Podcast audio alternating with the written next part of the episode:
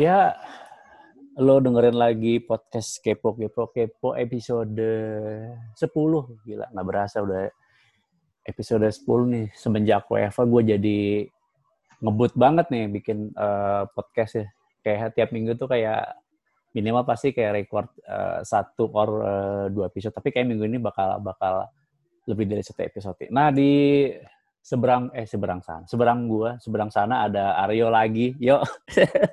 Hai, Sorry, gue gak, gue gangguin gue lagi, gangguin lo lagi. nyantai, nyantai, nyantai. Gue juga mau diganggu juga kayak available sih sampai pandemi ini berakhir juga available dulu. Atau emang sebenarnya banyak yang gangguin lo selain gue? Ada beberapa sih, cuman uh. ya udah lah ya. Gitu. Enggak semuanya harus diladenin kan? Iya, iya, iya. iya. Nah, lo Uh, gimana gimana? De dengan perkembangan apa? Hmm. Uh, tadi dulu, gue mau nanya dulu nih pertanyaan pertama nih. Ya.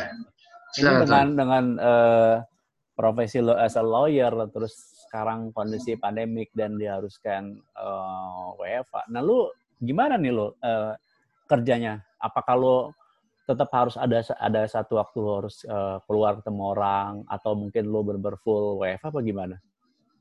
Terus terang sih semua sih ini ya uh, full WFH ya. Cuman kerjaan gue harus dilakukan serba online. Jadi ya hmm. emang job deliverance dilakukan by email, by WA, komunikasi, konsultasi hukum, semua telepon, WA, terus email, ya gitu-gitu aja. Tapi kemarin tuh sempat uh, colongan ketemu orang mediasiin klien sama mitranya sekali jebret hmm. pernah juga sekali itu pun juga bermaskeran lu bayangin aja. Yeah. dengan dengan masker dengan parno ya lu bilang. Sepi semuanya. Lagi pula kalau mau sidang pun semua jadwal sidang juga pada mundur Chris. Hmm. semuanya. Jadi timeline timeline sidang yang biasanya uh, bisa kelar sebulan tiga bulan bisa empat bulan enam bulan gitu loh. Putusan yang uh, kayak cerai bisa selesai setahun tahun setengah bisa dua tahun. Jadi pokoknya kacau nih semua jadwal. Tetangga gua aja dia jaksa biasa sidang seminggu dua kali dia dua minggu tiga minggu sekali sidang. Buset gue bilang. Kayak belum bener karena ya ya udah ketunda. Tapi ya kerja masih cuman nggak maksimal aja ris Oh, jadi emang dibatasin ya? Dibatasin ya. Hmm, tapi memang memang maksudnya ya apa namanya? Berarti kayak dari rentang waktu dari sidang satu ke dua tuh bisa agak lama ya atau memang tetap kayak mungkin Oh iya. Iya. Nggak, bisa biasanya udah lama, biasanya suka lama nih iya. tambah lagi gitu. Hmm. Tambah lagi lamanya. Udah lah ya kayak ah, bodoh deh. Terserah deh mau ngapain tapi ya kan harus harus sigap kan iya iya udah iya. sigap tetap nah lu pertama kali tertarik untuk uh, untuk kan emang lu kan dulu kan emang kuliah kan ambil hukum kan ya kalau uh, ya fakultas hukum kan ya betul. nah itu lu betul. pertama kali tertarik sama uh, dunia hukum ini dari kapan ya maksudnya sampai akhirnya memutuskan oke okay deh gue kuliah gue ambil fakultas hukum deh Eh, kalau mau mau jawaban jujur pertama kali, pertama kali SMA itu, ih gila ya gue ngapain sih?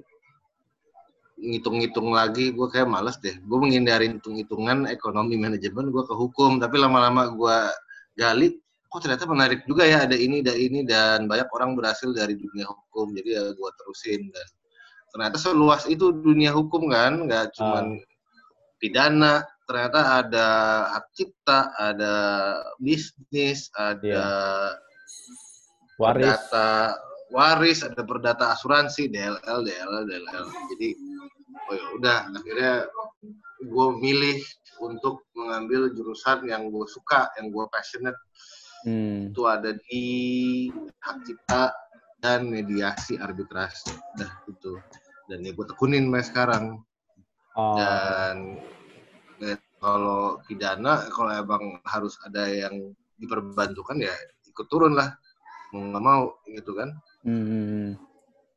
Berarti lo emang emang emang ngindarin dulu emang ngambil hukum pertama kalau ngindarin kalau mau jujur ya kalau kalau mau jujur ya daripada gue suruh ngurusin neraca Iya, iya, iya. hitungan aduh puyeng dah cuman udah deh, biarin aja gue masuk hukum deh kayak menarik juga dan emang bener menarik banyak major-major yang ternyata sesuai passion gue dan Hmm. bisa gue ambil gue terapin ya udah dan ternyata ya berguna gitu sampai sekarang dan bisa dipakai untuk nolong orang iya betul dulu Nah, mah pas masih Ah. masih kuliah masih idealis gue mau jadi eh gue mau merubah hukum di Indonesia wow awal-awal di awal kuliah masih idealis ya, ya, kan? idealis ya.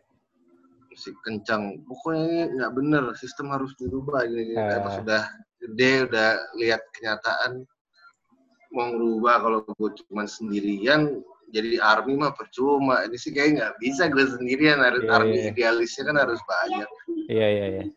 tuh Ya kadang malah pasukan berani mati lo ya, tapi juga kayak mati konyol Nah, juga. iya. Ngom- mati konyol juga ternyata kan billing billing sejalan terus gitu Iya, kan iya, kalau iya, gue iya. idealis billing saya nggak dapet jadi teman-teman gue yang idealis dan emang ada kasus idealis tuh ada. Tapi mostly itu terjadi di LBH Ah, iya iya iya iya iya, benar. rata-rata kerja LBH semua yang kira-kira wah ini hak asasi manusia wah ini penindasan penguasa wah ini Ah, itu ini itu. Itu rata-rata di LBH semua dan namanya juga LBH lembaga bantuan hukum ya duitnya ya seadanya aja gitu kan dan biasanya dari mereka pasti nanti selain dari MBL ada yang emang bener- akhirnya mereka masuk ke ke dunia korporasi atau emang buka law firm sendiri atau emang mereka Ada, lanjut ke ada. ini apa ke NGO ya?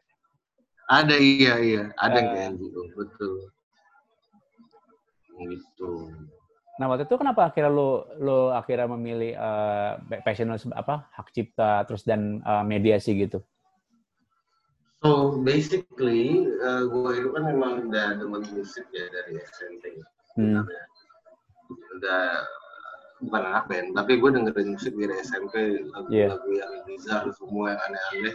Eh, dan ternyata oh ternyata ternyata hukum itu ada kaitannya sama musik dari hak ciptanya dari royaltinya. Oh ya udah Ah. gue kan karena gue suka hukum suka musik ya gue konekin. Karena buat gue dua-duanya itu menarik udah akhirnya wah ternyata semenarik itu ya saat Hmm. itu di tahun 2000 2002 2003 itu lagi hits uh, Napster namanya ah, Napster itu Iya, iya. eh, buat download yang buat download uh, peer Musik. to peer musik. Tapi yang pertama kali pelanggaran hak cipta masif digital gila-gilaan kan itu kan Napster. iya Nah, iya. Itu kan lagi lagi diangkat jadi gue semakin tertarik wah Napster royalti apa sih nih oh ternyata Hmm. begini tuh ternyata musik kalau disiarin tuh ada hak ekonominya ada hak moral yang harus diperhatikan. Oh begini oh ya udah. Makin makin seneng gitu kan. Dan di tahun lo kuliah kan juga lagi kenceng-kencengnya ini kan pembajakan eh, apa rilisan fisik ya? parah Eh, parah. lagi gila-gilanya kan waktu itu kan? lagi gila-gilanya CD sampai berapa ris enam ribu Lima ribu, iya di lima ribu gue inget banget Ratu, Iya. Pla- Ratu Plaza tuh gila jual tuh di la- lantai paling atas itu. iya dia saat itu kan tahun 2000 2003 musik-musik belerekan gitu kan mau Iya, iya. lagu top 40 apa semua kepingannya ada dijual itu kan Iya, pemainnya ada di kota tuh di Mangdu kalau nggak salah Iya pusat tuh dia. Glodok sama Mangga. Dua. tuh iya ya sekarang lu bayangin aja jadi sekali ngopi Hmm. ngeluarin kepingan itu bisa 20 juta keping katanya Gila. se sebulan Bang. itu kayak kayak lebih banyak lagi itu yang gue denger 20 sampai 60 juta keping sebulan lu bayangin aja massive gitu kan Oh. Eh, yang di yang dibikin juga banyak jadi harganya murah beli beli. Kualitas lagu Belakangan. ya ala-alaan yang penting Iya, bikin aja dulu untung ya kan? Iya iya, murah meriah lah ya. Murah meriah. Tapi emang waktu itu lo sampai ini nggak sih yo? Kayak eh, waktu itu waktu era-era pembajakan lagi gila-gilanya kayak lo mungkin entah mungkin lo kayak menganalisa atau mungkin lo sempat kayak kayak bagian dari tugas gue lo kayak menganalisa nih kenapa sih nih pembajakan nih bisa gila-gila. Terus ke mana nih apa undang-undang hak cipta yang memang sudah ada tapi kok nggak nggak kurang kurang kurang tajam gitu loh. Jadi kalau kita bicara undang-undang hak cipta, Uh, ya kan saat eh, dulu itu kan tahun berapa ya 2002 kalau nggak salah yang lama tuh undang-undang hak cipta tahun 2002 nomor 19. hmm, Nah itu pertama kali muncul itu kan nggak semua orang tahu, nggak semua orang mengerti. iya. Jadi pas tahun 2002 muncul, pas gue masih kuliah, wah gila nih seru banget gitu kan, menarik. Hmm, Tapi kan kalau mungkin kalian uh, listeners tahu ya bahwa undang-undang di Indonesia supaya itu menjadi produk undang-undang itu Hmm. kan harus dirapatin dulu sama DPR. Iya. Dan kita mungkin kalian tahu bahwa itu ada sponsornya, ada Ya. uang rapatnya. Dan ada tarik menarik Jadi- kepentingan juga. tarik menarik kepentingan juga dan dulu itu 19 tahun 2002 itu dia memang banyak pro ke record label karena record label merasa dirugikan dengan musik-musik yang udah dia ciptain dari artisnya lu bayangin aja. Artisnya dia nyiptain musik sampai nggak tidur eh, lima hari lebih Hmm, sampai akhirnya dapat kepingan tidur dalam hitungan berapa hari hmm, di hijack dibikin kopiannya tanpa hak dijual ke orang lain hak ekonomi labelnya menurun Iya. yang otomatis artisnya juga nggak dapat duit maksimal. Ini sedih Iya. juga lagi. Gitu sedih itu nah itu kan prinsip hak cipta itu kan adalah untuk memproteksi kepentingan ekonomi dari artis dan kepentingan ekonomi dari label yang memanage promo yang manage alat-alat semua kegiatan hmm, manajerial. Ya dan dan menurut undang-undang saat itu adalah itu adalah perihal yang wajib untuk diproteksi which is iya tapi gue nggak sepenuhnya setuju sih Kenapa tuh? gue nggak sepenuhnya setuju karena tidak semua record label itu semulia yang kita pikirkan Iya, benar-benar. Iya. ya kan lu juga tahu lah Gue tahu, gue tahu. jadi mungkin ada yang mulia mah ada Hmm, cuman yang brengsek juga nggak dikit Iya. karena record label yang gua ketahui itu yang menyelewengkan dana artis tuh gua denger lumayan banyak di Indonesia ya. Gua luar negeri mah nggak tahu. Cuma di Indonesia oh ini record label A B C ini Hmm. ya pelaku ya transparan. Yang gitu gitu itu kurang ajar. Menurut gua Dan, dan abis itu apa? Apa? Habis itu, ya terusin ya, terusin. Ya udah akhirnya gua terusin terusin passionate gua terusin sampai gua ngambil S2 eh, hak cipta juga Hmm, di UI habis itu gua sekarang kerja di eh, Ringbackton perusahaan Ringbackton konten. Ah, iya, iya. Sampai ya lumayan align ya. Kalau masalah hak cipta kan kalau nggak salah kayak misalkan kayak eh gue nih misalkan eh, sebagai musisi terus tiba-tiba musik musik gue misalkan ditayangkan di TV atau mungkin dijadikan background di sebuah acara itu kan harusnya gue dapat royalti kan ya harusnya ya? Harusnya iya dapat dan harusnya eh, pihak yang mempunyai eh, tayangan itu Hmm. minta izin sama penciptanya. Eh gue mau pakai artis lu nih mau pakai lagu lu nih Eh, cuman semenit contoh gitu. Iya. ya harusnya izin harusnya. Hmm, cuman sekarang dari sekian puluhan atau ratusan tayangan dengan ratusan ribuan musik mau apakah benar mau izin semua? Enggak juga. Ah, kan kan tinggal nunggu yang klaim aja. Kalau ada yang ngeklaim baru harusnya dikasih. Cuma kan untuk untuk, untuk hitungan klaim kan juga mesti ada rumusnya gitu loh. Rumus hitung klaim royalti itu kan ada hitungannya. Kayak dulu di skripsi gue tentang eh, karya cipta Indonesia tuh lembaga lembaga collecting society collecting royalty iya. itu dia ngambil eh, royalti dari tempat-tempat hiburan dia Hmm. ngitungnya dari eh, meja makannya ada berapa, kursinya ada berapa, sebulan itu ada berapa artis, Iya. eh ada berapa pengunjung, terus lagu ya, lagu playlist yang disetel apa aja, ntar dihitung tuh. Oh, yang ini dihitung sekian kali, yang ini dihitung sekian kali. Nah, ntar di listing tuh. Oh, ini artis yang ada di eh, Karya Cipta apa Yayasan Karya Cipta Indonesia tuh Indonesia. ada artis ini ini ini ini. Berarti ini bisa kita kasih, ini bisa kita kasih, ini bisa kita kasih gitu. Nah, gitu prinsipnya. Nah itu mereka dapat hitungannya itu memang ada memang di di literasi emang ada ada hitung-hitungannya atau gimana tuh yuk? Dari internalnya ada hitungannya internal collective society ada, ada hitungannya Dan memang ada ada sumber ada sumber literasinya juga mereka mereka punya punya rumusnya gitu.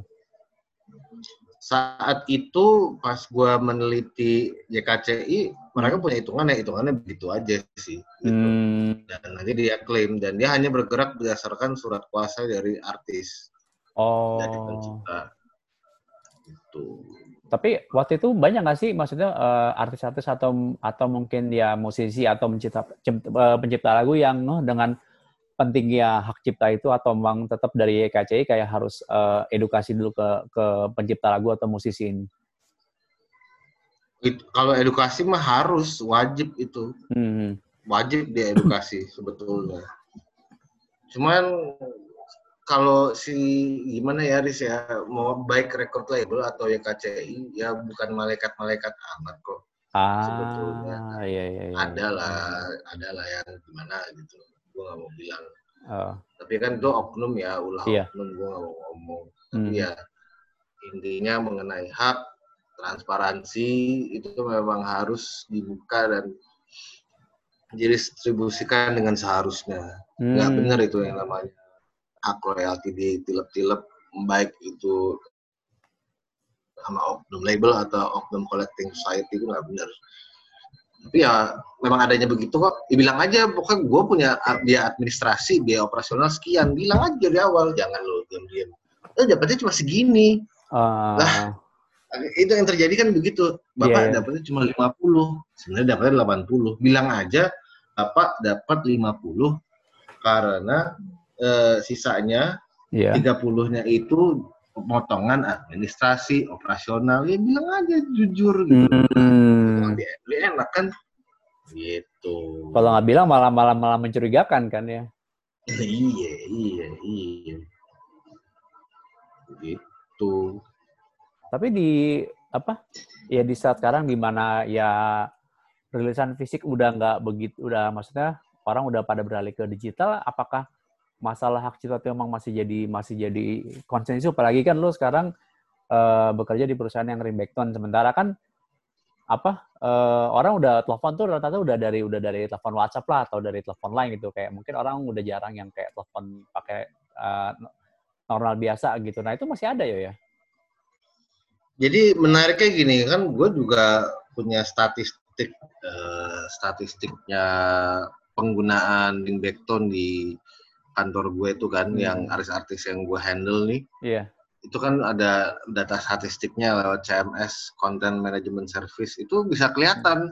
Oh yang make artisnya lagu F, G, H Hmm. itu banyak ada di daerah barat, daerah timur, Hmm. dan eh, lucunya di kota-kota besar itu clean, tapi ini daerah-daerah, wih, semua masih pakai dan kita tahu bahwa penyebaran penduduk di Indonesia kan paling banyak di daerah, Ini daerah Mas di, di, di luar Ini Pulau Jawa ini.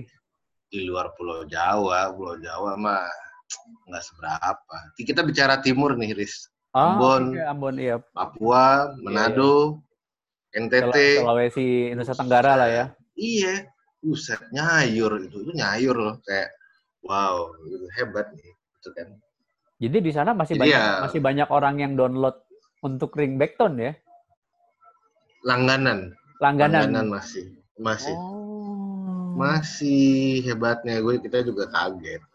Ya udah, tapi ya sambil ring backton sambil kita digital juga karena kan udah amanat dari perusahaan telco untuk Hmm. menjalanin semua serba digital. Iya iya iya. Ya pelan-pelan juga infrastrukturnya belum mendukung.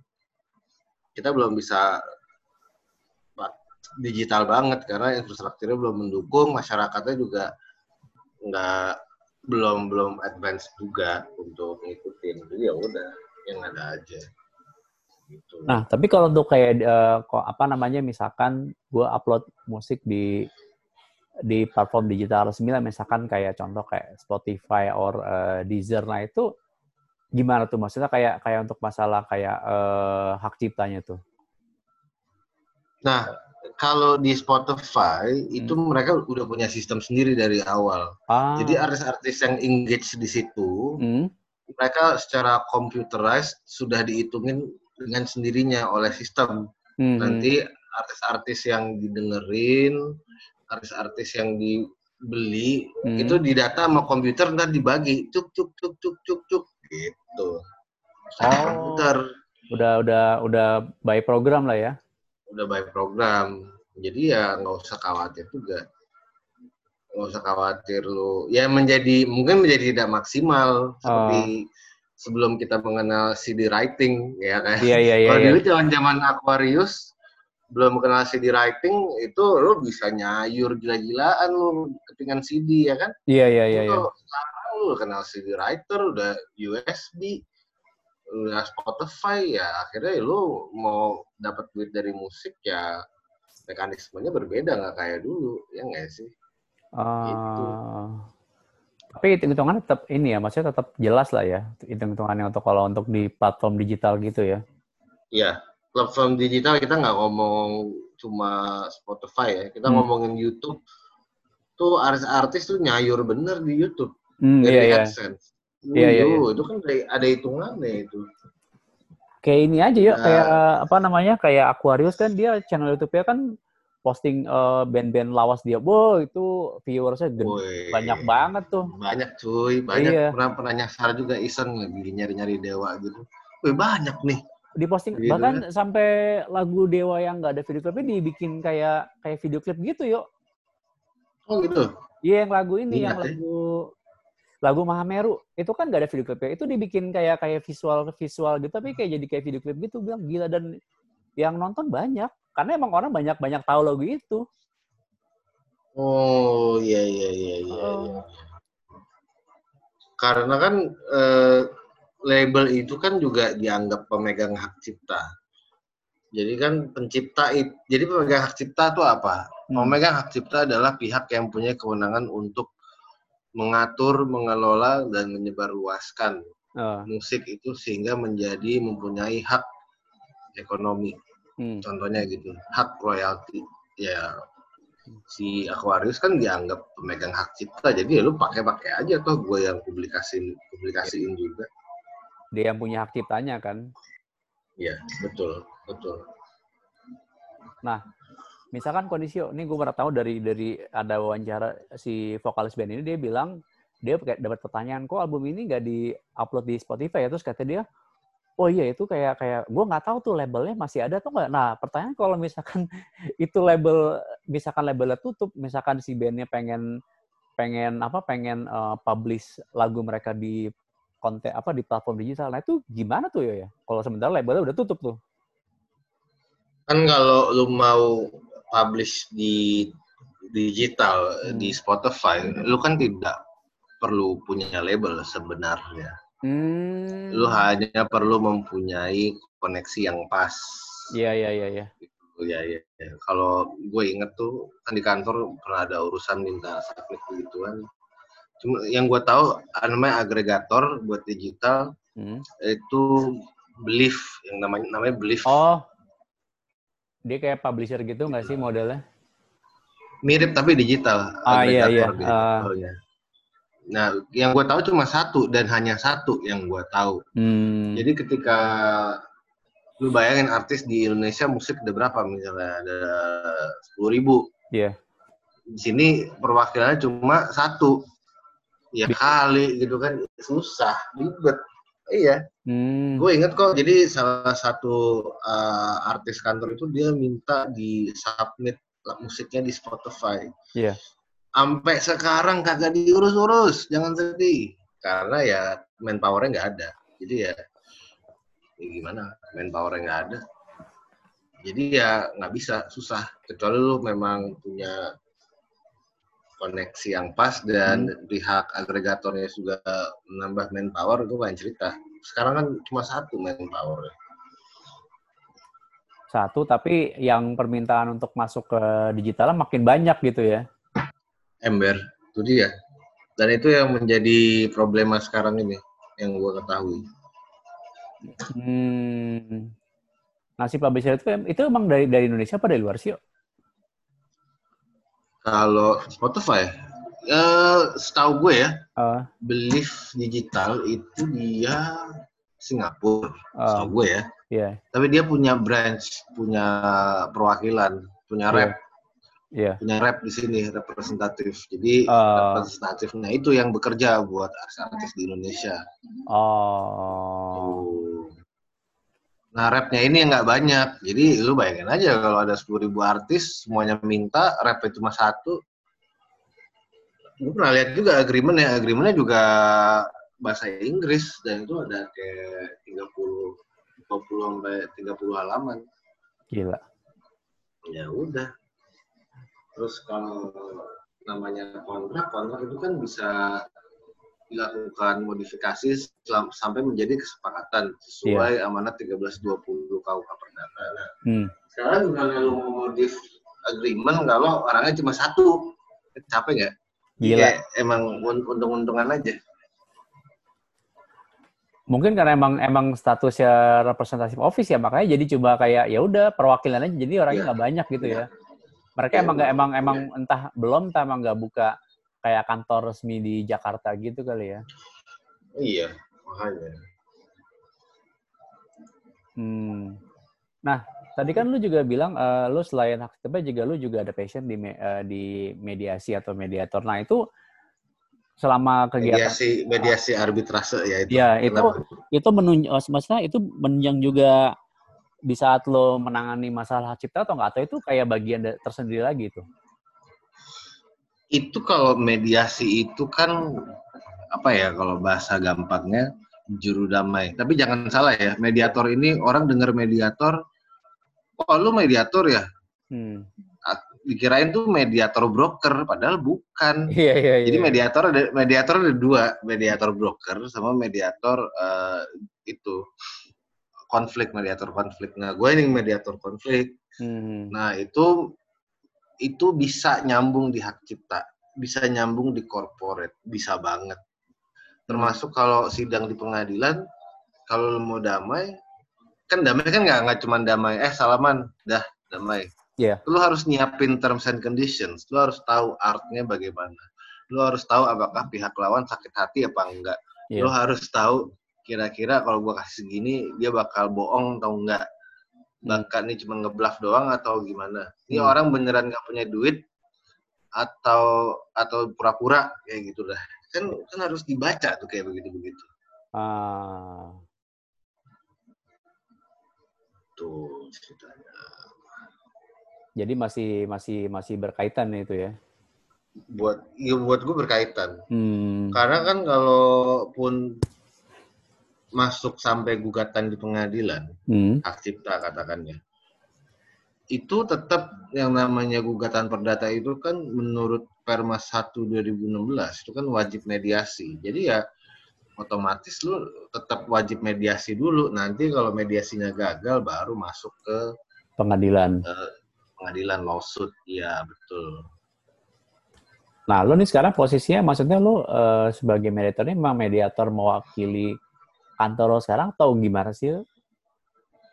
Jadi menjadi kalau misalnya kan ada dua profesi nih, yeah. profesi mediator sama profesi advokat itu agak-agak beda tuh.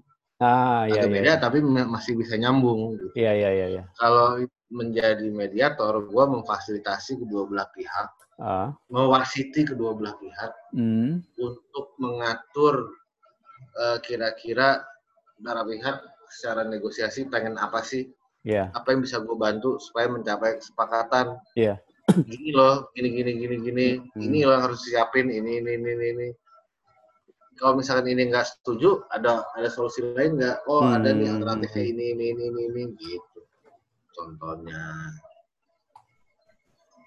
dan bukan untuk memaksa tapi menyadarkan menyadarkan para pihak bahwa gugatan hukum bukan hal yang tepat emang sebenarnya enggak karena Hmm. lu lu mau berapa lama sih hukum di Indonesia kan nggak nggak sebentar lu bisa Iya. hitungan tahun kalau dia naik banding kasasi Waduh. PK Uyo. Kalau Dan dapat capek banding kasasi itu bisa bisa setahun lebih tuh. Iya makanya, jadi kayak nggak, "Weh, are you sure pak? Gitu kan, Hmm. yakin pak, Iya, iya. Yakin pak mau nunggu segitu lama, boleh aja sih. Habis itu kan bingung sendiri, hmm, iya juga ya gitu. Oh, jadi kayak secara nggak langsung lo kayak secara nggak langsung lo memaksa harus kepada kedua, kedua belah pihak supaya di- bisa damai sebelum pengadilan karena untuk supaya supaya lebih efisien secara waktu juga ya gitu kan. Iya, iya, iya. Oh. Karena kan yang harus dibilangin juga, Pak, menurut Bapak mana yang lebih mahal, Pak? Waktu apa uang? Nah, kan Hmm. kayak gitu, gitu turis. Iya, iya. Kan harus di harus di dibikin sadar. Ya juga ya, mana yang lebih mahal ya gitu kan. Semakin Kan banyak waktu, ketika, semakin banyak waktu semakin banyak uang yang akan keluar gitu kan. iya, iya. Ah, sekarang lo pilih lo mau pilih mana gitu kan. Mau pilih mana? Betul. Jadi ya. Hmm. Tapi kalau dari pengalaman susah nggak sih kayak lu eh, meng- mempersuasi kedua belah pihak ini untuk, untuk melakukan mediasi? Atau mungkin kalau mengeluh lebih kesulitan kayak lu punya mungkin kayak punya cara-cara khusus supaya orang ini akhirnya mau mau mau Iya. Memang ada. Memang ada, memang ada triknya. Memang ada triknya banget. Ya, itu nggak cuman lu deketin, Pak, damai aja, Pak. Enggak, kan lu Iya, harus iya. menjadi kuping yang sabar. Kuping Iya. lu harus dengerin terus. Iya. Sejam, dua jam. Dan lu harus dengerin sejam, dua jam kuping lu untuk pihak A, pihak B. Mesti sabar, telaten, dengerin. Namanya itu listening skill. Lu kan harus dengerin lu rangkum, lu dengerin, kira-kira ini mereka maunya apa sih, arahnya ke mana sih, oh gini, oh begini, oh artinya ini, kesimpulannya ini, oh ini bisa, ini enggak. Tapi rata-rata bisa. So, rata-rata bisa didamaiin. Selama hak dan kewajibannya itu bisa deliver. Oh. dan karena lo mendengarkan mereka hampir sejam dua jam, akhirnya lo tahu kan poinnya mereka sebenarnya maunya apa gitu kan? Ya, pokoknya mereka sebenarnya maunya apa, dan kadang-kadang kan yang diributin itu kan masalah sakit hati. Tapi ngerembetnya tuh sampai duit, ngerembetnya sampai gua gugat lu, ngerembetnya sampai apa padahal sebenarnya gara-gara omongan dia nggak enak contohnya. Tapi Hmm. ngerembetnya sampai gua denda lu sekian gitu. Ah, Kenapa jadi ngerembet nih si si bapak yang satu ini gitu kan? iya iya iya. Karena sakit hati akhirnya jadi jadi tindakannya jadi berlebihan gitu ya. Berlebihan ya, benar. Terjadi kok, itu benar-benar terjadi. Hmm.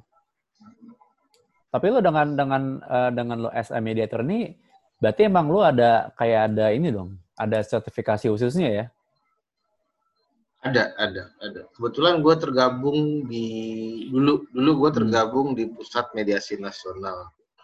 Sekarang ini gue ngikut sama BANI, Badan Arbitrase Nasional Indonesia. Kita bikin lembaga namanya INEC, International Mediation Arbitration Center. Tuh, sekarang gue tergabung sama itu. Kita juga lagi bikin pelatihan buat calon-calon mediator bareng eh, tim gitu. Oh berarti kalau udah arbitrase urusannya sama sama hukum internasional berarti ya? Ya kan bisa, bisa. Iya kan? Tapi kan nggak semuanya hukum internasional gitu. Kan tergantung tergantung klausulnya juga. Di klausul arbitrase kan juga ditulis dalam hal jika terjadi konflik maka akan diselesaikan di arbitrase misalnya. Eh, Dan misalnya kita urusannya sama orang luar negeri apa orang lokal kalau sama orang lokal Bani ya nih. Tapi kalau Hmm. luar negeri misalnya mereka sepakat ke Bani ya mereka juga harus ke Bani. Gitu. hmm, Oh. ya ya. Nah, eh, lo di apa namanya? Sebelum di perusahaan ring Dayton, eh yang ring Dayton ini lo sempat kerja di mana yuk? Gua pernah kerja di law firm tujuh Ah. tahun setengah.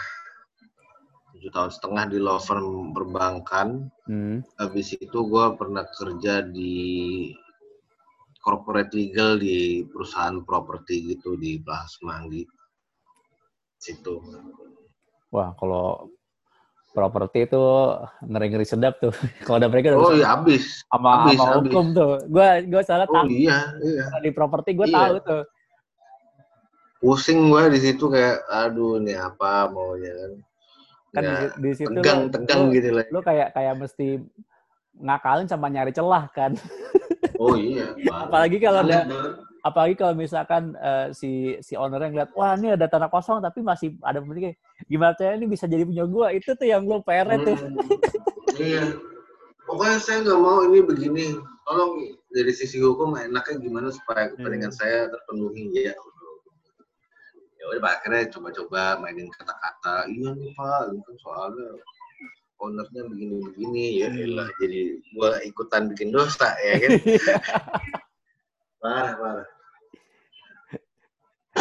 Kira lo nggak ini juga ya, kayak merasa bersalah juga kayak mesti jadinya lo jadi ngebo jadi ikutan bohongin juga kan jadinya kan. Iya jadi ikutan ngebohongin juga bener. Iya. Ah. Tapi ya who, pay the bills juga kan. Iya iya iya. iya. salah. Ah. Nah yang unik nih, ini kan lu juga eh, as a tarot reader lain lu gimana ceritanya lu bisa bisa tertarik sama tarot reader? Sementara lu pekerjaan lu ini sangat sangat logik banget nih. sangat logik rasional iya iya Iya. jadi eh gimana ya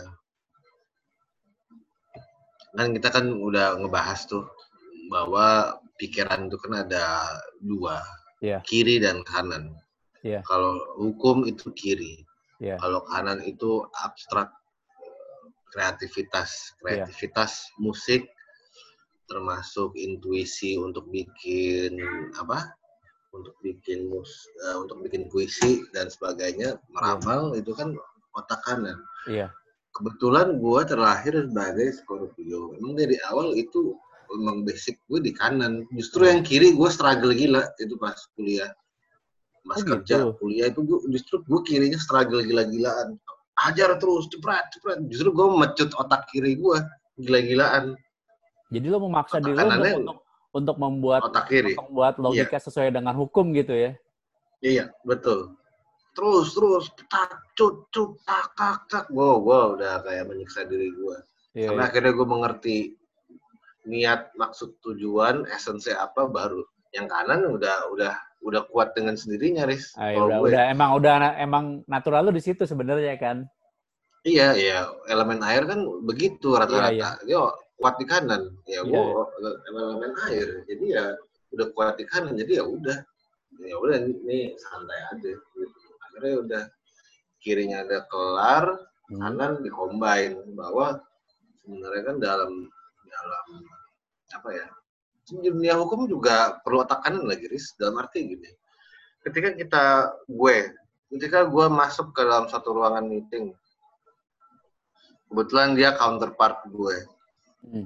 gue harus tahu dong kira-kira apa yang diisi kepala dia Ah, gue harus tahu kira-kira dia omongannya bener apa enggak kira-kira gue harus tahu eh, kira-kira maksud dari ketawanya dia apa kira-kira gue harus menebak kira-kira ini orang beneran mau gugat atau cuma ngebluffing gue doang itu Oh. beneran harus harus begitu dan itu kan otak kanan bukan otak kiri Iya iya iya iya. iya. Itu pakai Gitu. intuisi ya, bukan bukan bukan bukan dari bukan dari observasi ya. Dari observasi muncullah persepsi, muncullah intuisi, muncullah eh, hasil output insting. Oh. Dan yang terjadi di kepala. Gitu kan. Termasuk juga ketika mau mengambil keputusan strategi untuk klien. Hmm. kan nggak nggak mungkin full rasional. Harus pakai roll the dice dulu. Harus pakai intuisi dulu nah ini ini cocok nggak nih Oh, apa? Pakai imajinasi dulu, imajinasi lo dulu gitu ya. iya iya mm. apa nih konsekuensinya kalau gue mengambil langkah ini. Siapa yang kena serangan paling berat? Hmm. Siapa yang paling kena damage? Apa Oh. main gue doang apa dua-duanya kayak gitu. Oh lo jadi jadi mikir jadi bercabang ya masa kayak ketika satu tema lo jadi bisa bisa jadi berapa sub, sub pem- apa sub pembahasan gitu kan kayak oke kalau gue gini Ya. nanti efek ke gue apa efek ke orang apa apakah nanti ada pihak lain mungkin yang kena damage ketika gue decision ini gitu ya Yes, yes, yes, yes. Betul, Hmm. itu. Nah tadi balik ke pertanyaan gue lo pertama kali belajar lo pertama kali mengenal tarot kapan yo? Jadi eh, gue pertama kali kalau boleh jujur gue mengenalnya bukan tarot.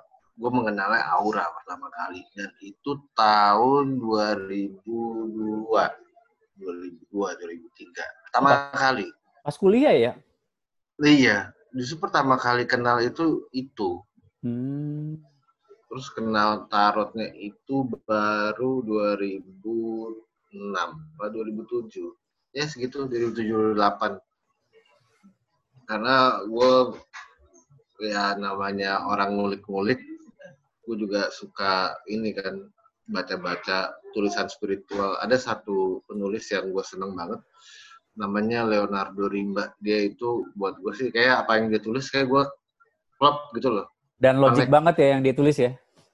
iya lu tahu kan dia Tahu tahu. Iya, kan dia kan emang Ya, logic Padahal dia temanya spiritual tapi sangat logik banget tuh tulisan dia itu, Logic, pemikiran dia. iya, Iya, iya makanya.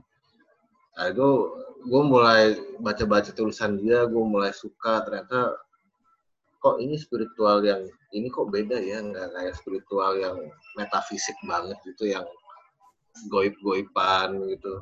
Itu Oh, nemu ya di udah, Facebook lo ya? Nemu di sebelumnya malah di Yahoo mailing list. Oh, itu dapat dari mana lo bisa ke, bisa da- dapat mailing list? wah itu love story lah itu. itu kan yang pencarian gitu kan. Iya iya iya iya iya. iya. awal-awal itu kan ketika gue tahu when I was when I was noticed that I was excited Mhm. saat itu gue tuh udah bener lost sendiri Hmm. gue nggak punya temen oke gue punya temen temen yang temen kuliah temen tapi temen yang mengerti gue tentang apa yang terjadi di otak kanan itu nggak banyak. Dan akhirnya gue mencari di luar temen yang mengerti isi otak kanan gue sisi cenayang gue yang abstrak gue aneh itu. Dan akhirnya ya gue ketemu orang indigo dulu ada namanya Vincent Dion. Hmm. gue ketemu dia ngobrol as a friend. Yang nyambung. Hmm. nyambung lah tuh. Leonardo Rimba nyambung lah itu ada Mas Audi Olivac sekarang uh, Mike Rivers nyambung lah itu sini sini sini sini sini sini sini dan akhirnya ya udah terusin aja sampai sekarang gitu Oh berarti emang di tahun itu emang kayak percikan-percikan dari otak kanan itu udah mulai udah mulai muncul gitu ya. udah udah main Dan, dan, parah dan lo bertanya tapi kayak gue mesti nanya ke siapa nih sementara ini nggak mungkin. gue mesti nanya ke siapa Iya iya. dulu nggak ada dulu nggak ada komunitas ris gue benar-benar sendiri Iya iya. Apalagi lo di fakultas hukum lagi kan emang orang logik semua kayak gini. Nggak masuk akal tuh. Gila lo. Iya kan kan tersiksa nggak sih? Iya, iya, iya, iya. Stres lo itu kayak gitu tuh. Nggak dapet jawaban. Stres. Nggak dapet jawabannya. Nyari ke siapa? Nggak semuanya orang mengerti. Iya iya. Masa ada uh, orang SH ngomongin aura kan nggak mungkin itu kan domainnya anak psikolog. Iya iya. Iya kan? Iya iya. Itu domain anak psikolog kan bukan domain anak hukum. Iya iya. iya. Bahkan yang psikolog psikolog aja kamu aja belum tentu ngerti tentang belum ngerti. aura, Iya tentang benar-benar. warna-warni. Iya iya iya.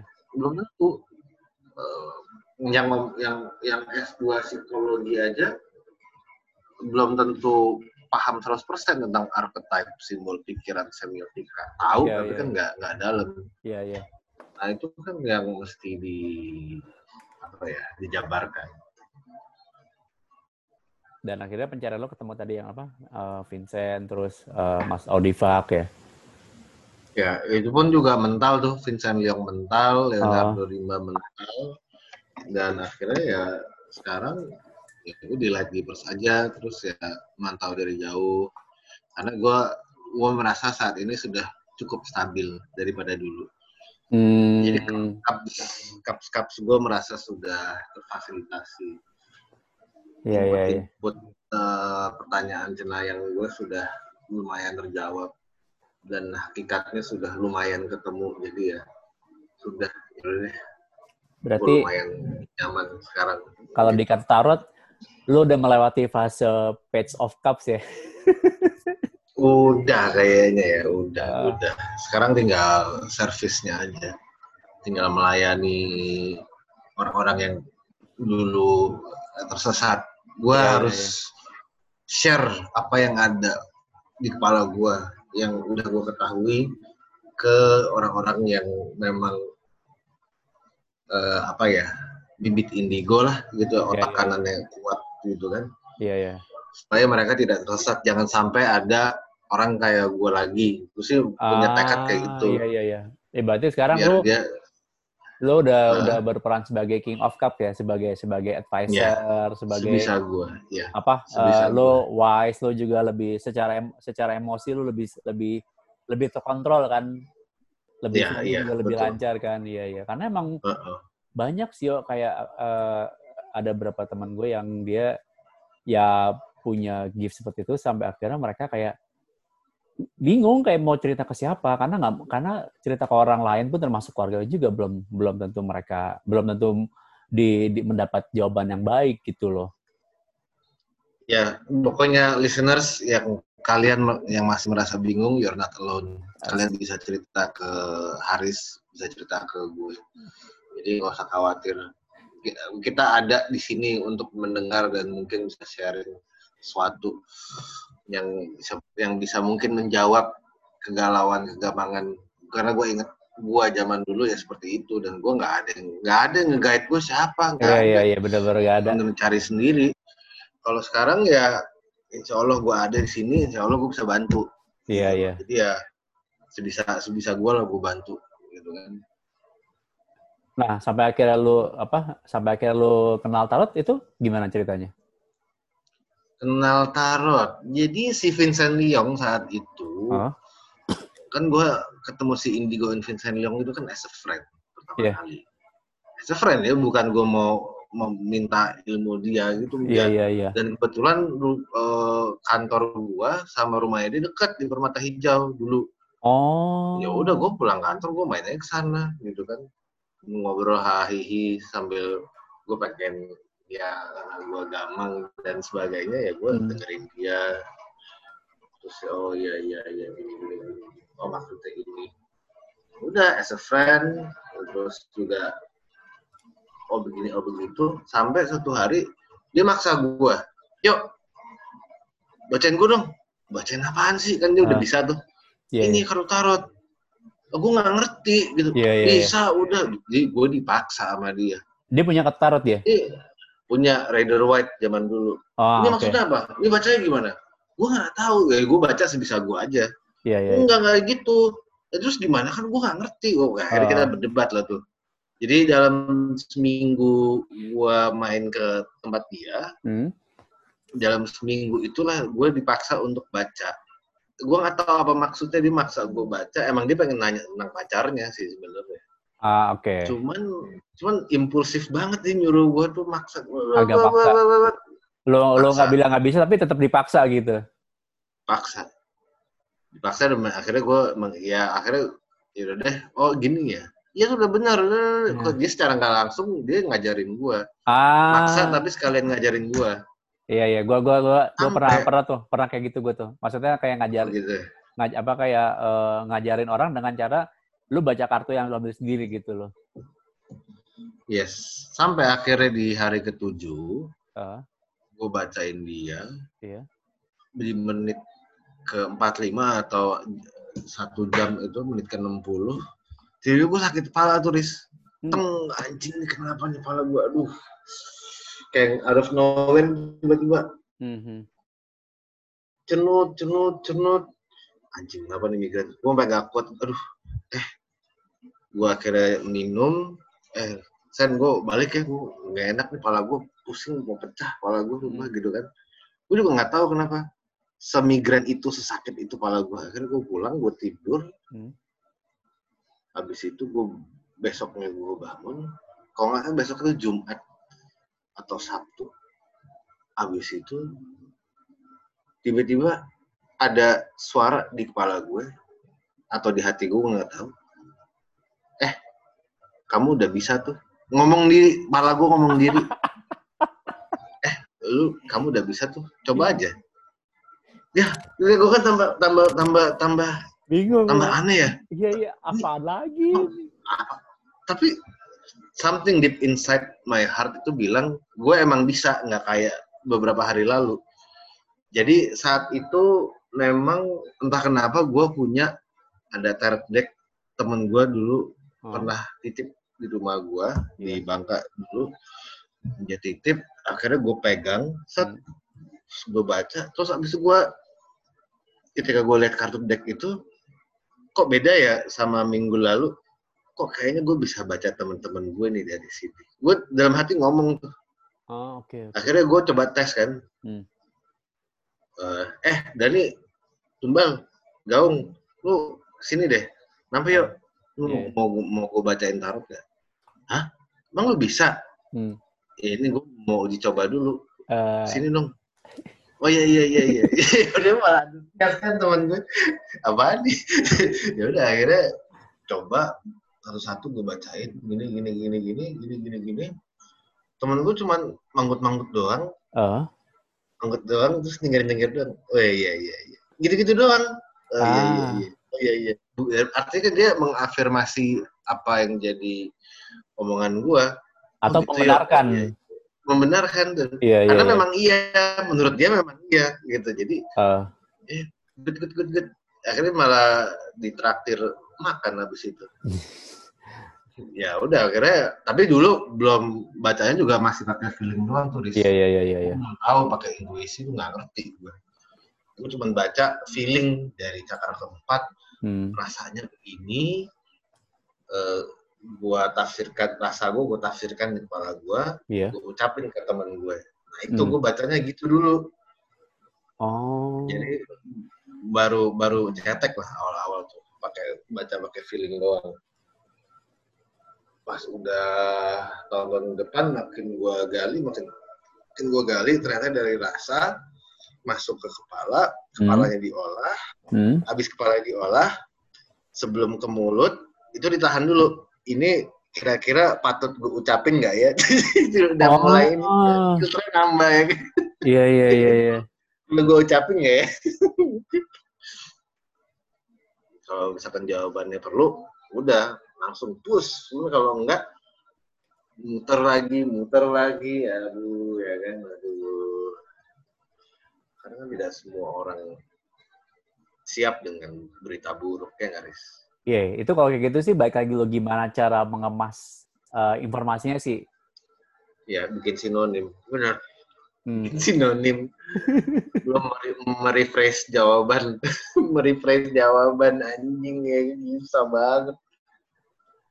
Tapi eh, pada akhirnya lo setelah itu lo ini nggak sampai akhirnya lo eh, belajar bener-bener kayak filosofi unsurnya, simbol-simbolnya, Oh, iyalah. major, apa Iyalah. major minornya. Oh, iya, oh, sekalian ya kan. Sekalian aja belajar. Nah terus ini yang lebih lebih lebih aneh gue jadi ingat jadi pada saat itu kan gue tidur siang. Yuk, suaranya agak agak jauh lo yuk. Ya sekarang gimana? Udah, udah, oke. Saat itu kan gue tidur siang. Oh. Tidur siang itu gue mimpi. Iya. Itu zaman zaman zaman masih itu tuh masih panca indera, bukan masih panca indera masih awal-awal tarot gitu. Hmm. tiba-tiba gue mimpi siang-siang gue itu ngasih kartu namanya Leonardo Rimba as a tarot reader ke orang Hmm. terus gue bilang ke dia Mas Leo ini kok aku saya mimpi ini ya kayak ngasih kartu nama Mas Leo ke orang lain Iya. gue bilang begitu tapi itu saya ngasih Iya. dia cuma jawab gini congrats Aryo one day you become a tarot reader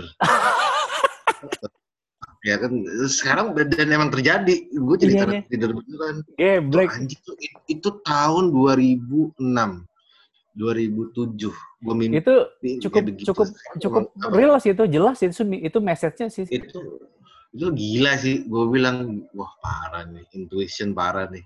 Intuition dia kan gue juga dulu sangat kagum di saat gue masih pencarian masih panca indera Iya. ngomong-ngomong gitu dia dia dari mailing list men. Lu bayangin. Iya gitu. Mas Leo saya ingin menanyakan mengenai gini-gini. Saya tuh Ah. sebenarnya apa sih gini-gini gini-gini gitu.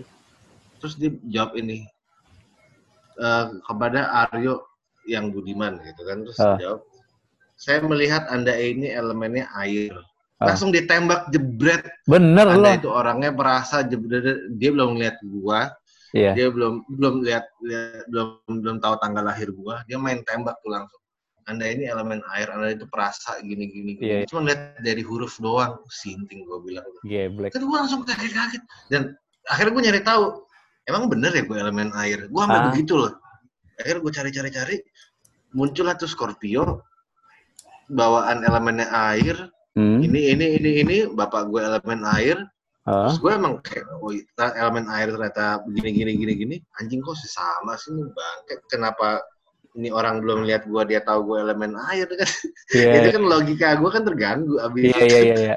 Ini gimana gimana caranya dia bisa tahu kan tanpa tanpa tanpa nanya dulu informasi tentang lo atau ngelihat ketemu langsung gitu kan?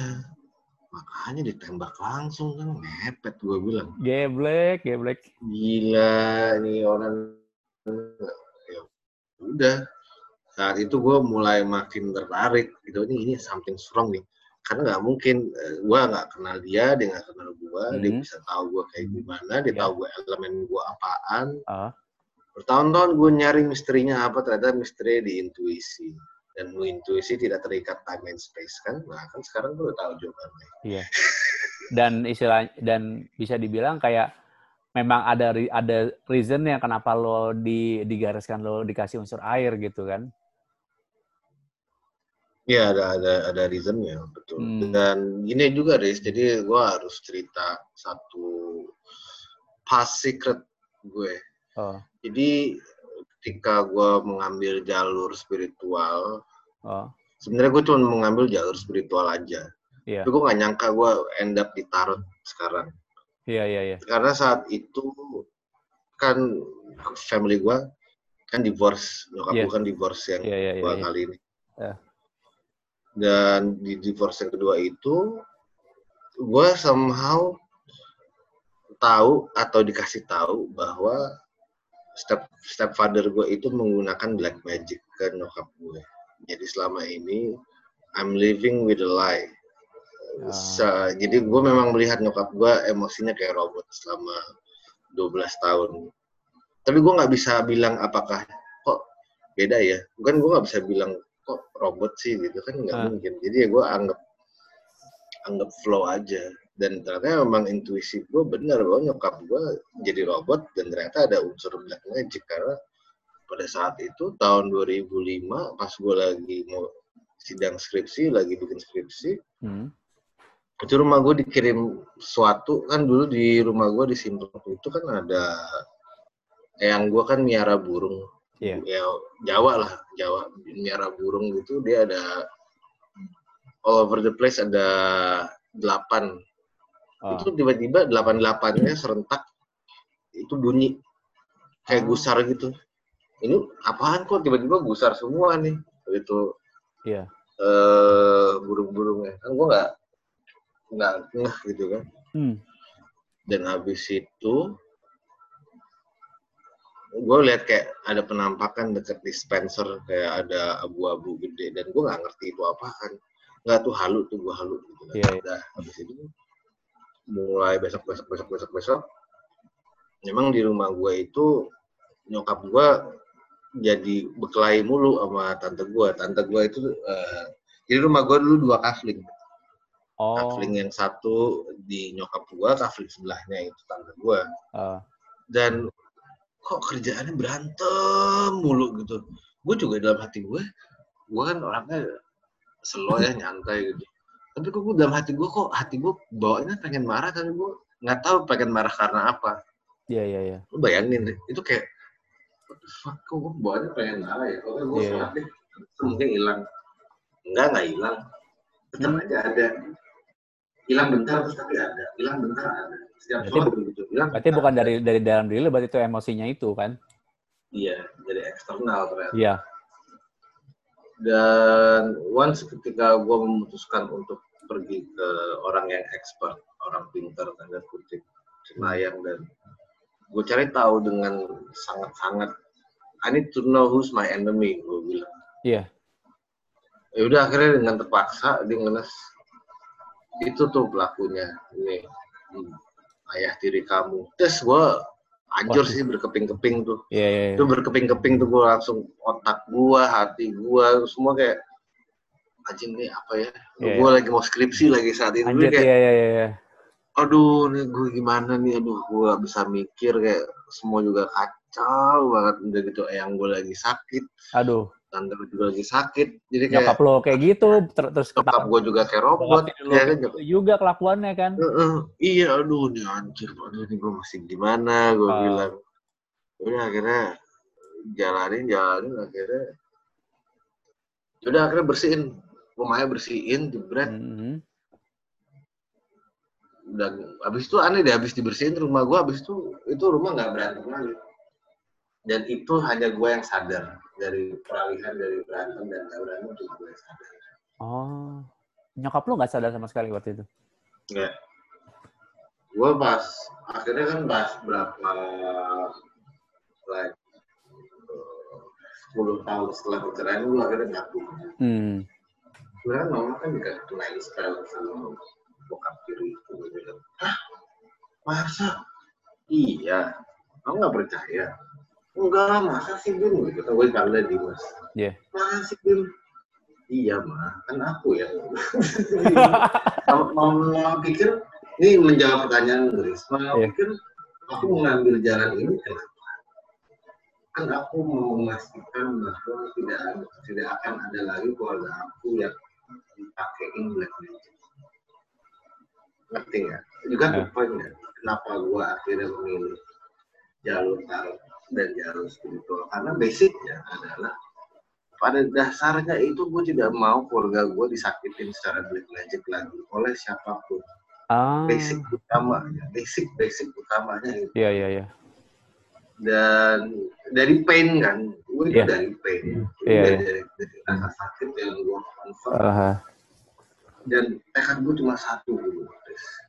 Gue mau lebih jago dari dukun yang ngirimin ke gue saat Itu- oke. Dan akhirnya gue cari tahu, cari tahu tuh ilmu. Dan gimana caranya kok orang bisa ngirim makhluk itu gimana cerita gue akhirnya belajar tentang fisika, materialisasi, tentang energi, cakra, semua gue cari. Pokoknya gue harus lebih jago. Dan setelah gue ngerasa gue lebih jago, dari situ, tapi kalau udah abis itu gue ngerasa lebih jago, then what? Udah Iya. kan? Udah. Udah ya udah akhirnya dengan apa yang gue dapetin daripada gue pakai untuk memenuhi ego nafsu gue mendingan Iya. gue pakai buat orang. Ah, lebih ke fungsi sosialnya ya. iya iya, dan ternyata banyak cuy. Ketika gue mengkonvert bahwa gue ngebantu orang. Anjing aneh banget. Kasus-kasus gue di Jakarta yang gue pernah dengar minta tolong tangan itu aneh-aneh banget Astagfirullahaladzim kok orang sebegitunya ya punya penyakit hati itu parah loh itu penyakit hati sih Riz. kenapa orang kemudian punya keinginan untuk ngirim Iya, iya, iya, iya. black magic itu penyakit hati sih karena dia mungkin ya saat itu juga ya emang basicnya dia pengen instan dan Iya. dia punya penyakit hati dan dia nggak dia juga jaim kan dan tapi dia dia juga nafsu dengan keinginan ah. pakailah black magic dan hebatnya bapak tiri gua itu dulu dia rajin sholat lu bayangin betapa gesreknya gua Anjir. Itu kayak anjir. Gila ya, sampai Iya. gue ternyata aslinya aslinya sorry ya, busuk banget aslinya ya ternyata. iya suka ngajakin gua sholat jumat Anjir. dan rajin sholat iya Anjir. betapa lu bayangin betapa gesreknya gua Anjir. saat itu. Iya. Dan itu kayak eh, itu ya saat itu dulu ini juga gue kasih tau rahasia lagi. saat itu gue berdoa sama Tuhan ya Tuhan tolong hilangkan semua uh, ilmu hitam yang ada di dunia ya Tuhan Oh. tolong tolong supaya ilmu ini gini gini gini ya Tuhan tolong dengan kekuatanmu tolong supaya ini semua selesai Hmm. Semua bersih tolong berikan jalan supaya ini bisa teratasi. Tau nggak jawabannya apa? Apa? jawabannya adalah bukannya Tuhan intervensi supaya rumah gue bersih yang ada gue malah dikasih bibitnya. Nih lurus sendiri. Powernya anjing. Oh, lu kayak dikasih jadi bukan kayak lu dikasih Heeh, dikasih kekuatan kali istilahnya. Ini Dikasih power, kasih- kasih bukan- power nih. Lu pakai sendiri, lu atur sendiri Heeh. ya. Lu tanggung jawab sendiri dah. pakai diri tanggung jawab sendiri ya udah Iya, benar iya, dan itu terjadi dan itu terjadi jadi itu dipakai dikasih gue kira kan Tuhan akan bekerja untuk berdasarkan doa gue ternyata Iya. enggak gue dikasih bahannya dikasih lu kerjaan diri Ah. lu, lu, lu urusin sendiri Iya, iya, iya, iya, iya, iya, iya. Gila ternyata itu jawabannya tahu lagi gue gue jadi, jadi ribet nih urusannya ya udah apa deh nikmatin aja Jadi kayak bisa dibilang tuh tarot itu kayak eh, bagian dari Media.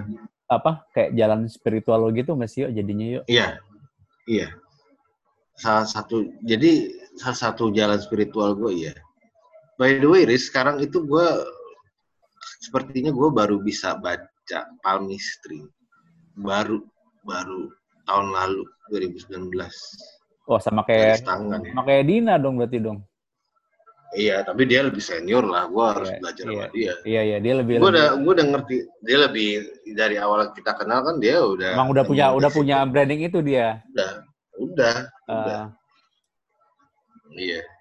Sekarang gue gue gue gue jadi bisa sekarang bagian dari perjalanan spiritual adalah gue bisa palmistry sekarang kan anjrit gue bilang kan. oh itu Tapi gue belum belum ngedalamin. itu berarti ya ini yo gue pernah tahu tuh ada istilahnya ilmu tiban. Gue pernah cerita sama lo nggak sih? Apa tuh? Nggak, ilmu bro. tiban tuh kayak ilmu yang istilahnya yang tanpa lo belajar itu tiba-tiba udah ada dalam diri lo, lo tinggal kembangin lagi. Kayak istilahnya kayak Ilmu tiban ya. eh, sebutannya jadi kayak itu kayak gift yang udah ada dalam diri lo tanpa lo belajar tanpa lo belajar susah-susah kayak lo cuman praktekin kayak sekali dua kali udah langsung bisa gitu loh. Iya iya iya kayak- iya. Kayak kayak itu kayak kayak turun kayak turunan gitu loh. Gitu. Iya, kalau gue sih Iya, pernah iya, pernah iya, tahu iya, istilah ilmu iya. tiban tuh gitu di di literasi Jawa tuh ada istilah kayak gitu ilmu tiban. Hmm. Lo nggak belajar tapi lo bisa gitu, lo praktekin bisa tanpa tanpa lo belajar, tanpa lo mesti effort keras gitu loh. Karena itu udah ada dalam diri lo, lo tinggal aktivasi, tinggal lo praktekin aja gitu loh. Baru tahu nih gue Iya. ilmu tibannya. Ya ya iya itu itu terjadi di gue nih.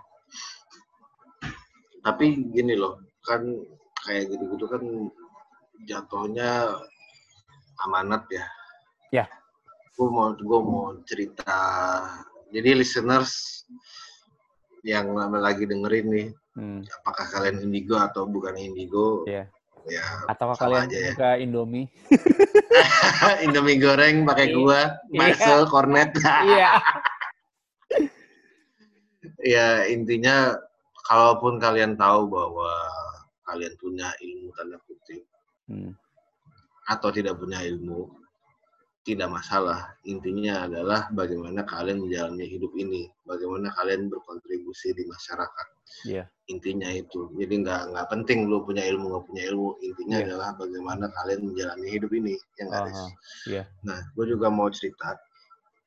eh suatu hari gua itu kayak ada perlu di komunitas gue.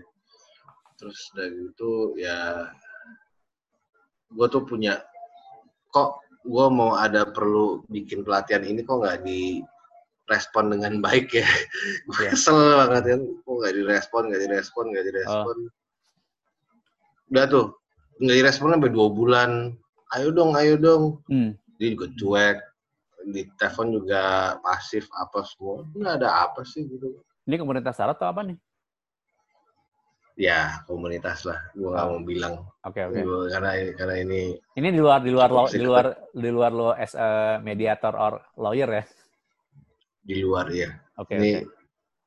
di luar. Ini, ini ini ini buat sharing aja. Iya, iya. Eh,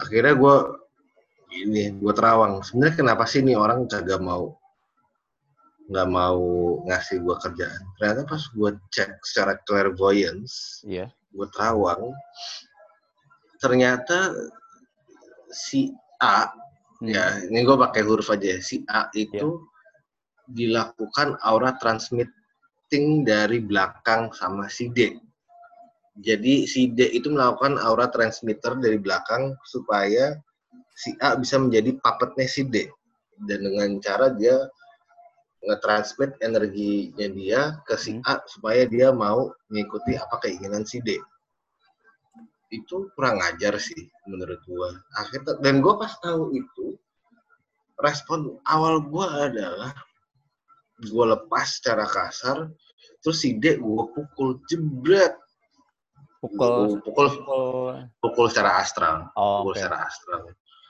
bakbuk bakbuk. Jadi perkelahian lah itu. Terjadi perkelahian bakbuk bakbuk bakbuk.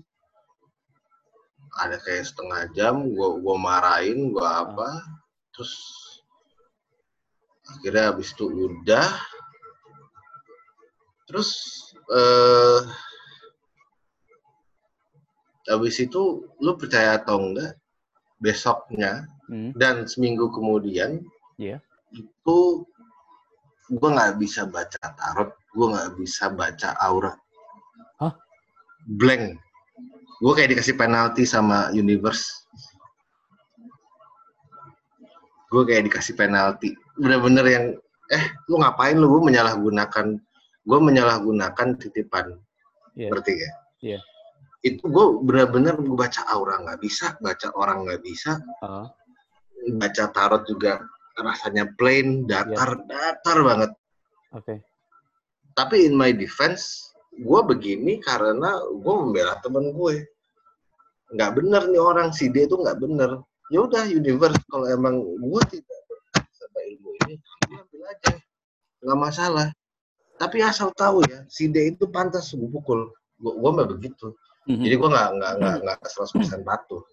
Gue I'm sorry, I'm sorry. Tapi menurut gue dia pantas dipukul. Iya. Orang macam apa tuh kayak begitu? Katanya teman. Ah teman begitu. Iya, iya, jadi jadi jadi si D melakukan puppet master secara astral ke si A. iya. Iya. Itu kan nggak bener. Nggak bener ya. Lu puppet master kan lu sama boneka wayang lagi bukan sama orang. Itu yang pernah Puppet bilang apa? master- Main switching ya? Iya iya. Ya itu Iya, temen iya. gue pernah Cuman- pernah ngalamin tuh.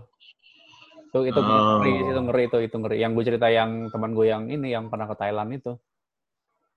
Iya iya iya. Oh, Iya. Mirip mirip mirip. iya. Kalau bahasa gue sih aura transmitting. Oh. Tapi intinya sama memanipulasi. Mhm. Intinya memanipulasi dan ketika gue di ketika gue bener-bener gue baru tahu ternyata ilmu ini gue gue gue di penalti tuh parah sih gue baca orang nggak bisa baca tarot nggak bisa. Nggak bisa cuy. Blank gitu. Gue mau Iya, ngomong iya. apa ya? Iya. anjing gue nggak bisa nih. Yang penting gue ngebatin. Ngebatin dia pantas. Dia pantas saya pukul. Dia kurang ajar dari orang. Iya. ya udah saya, saya jujur saya minta maaf. Saya emang lepas kendali. Tapi asal kalian tahu gue ngomong ngebatin tuh. Gue Iya. ngomong kayak gaib aja.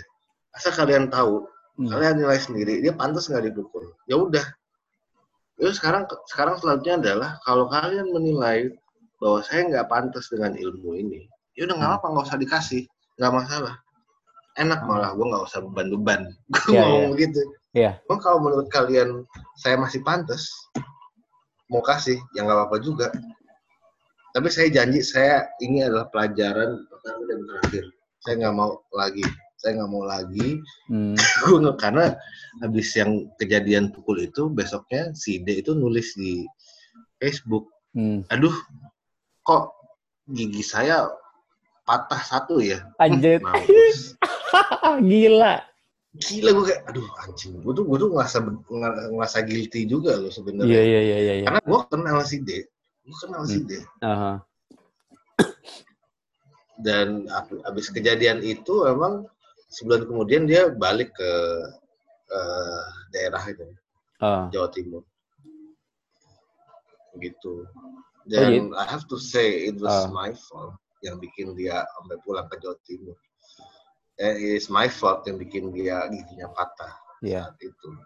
It's my fault. Dan gue baru tahu ternyata astral itu bisa berpengaruh ke fisik orang. Gue juga baru tahu. Dan ilmu astral ini bisa dicabut cabut kapan aja sama Iya, iya. yang punya Iya.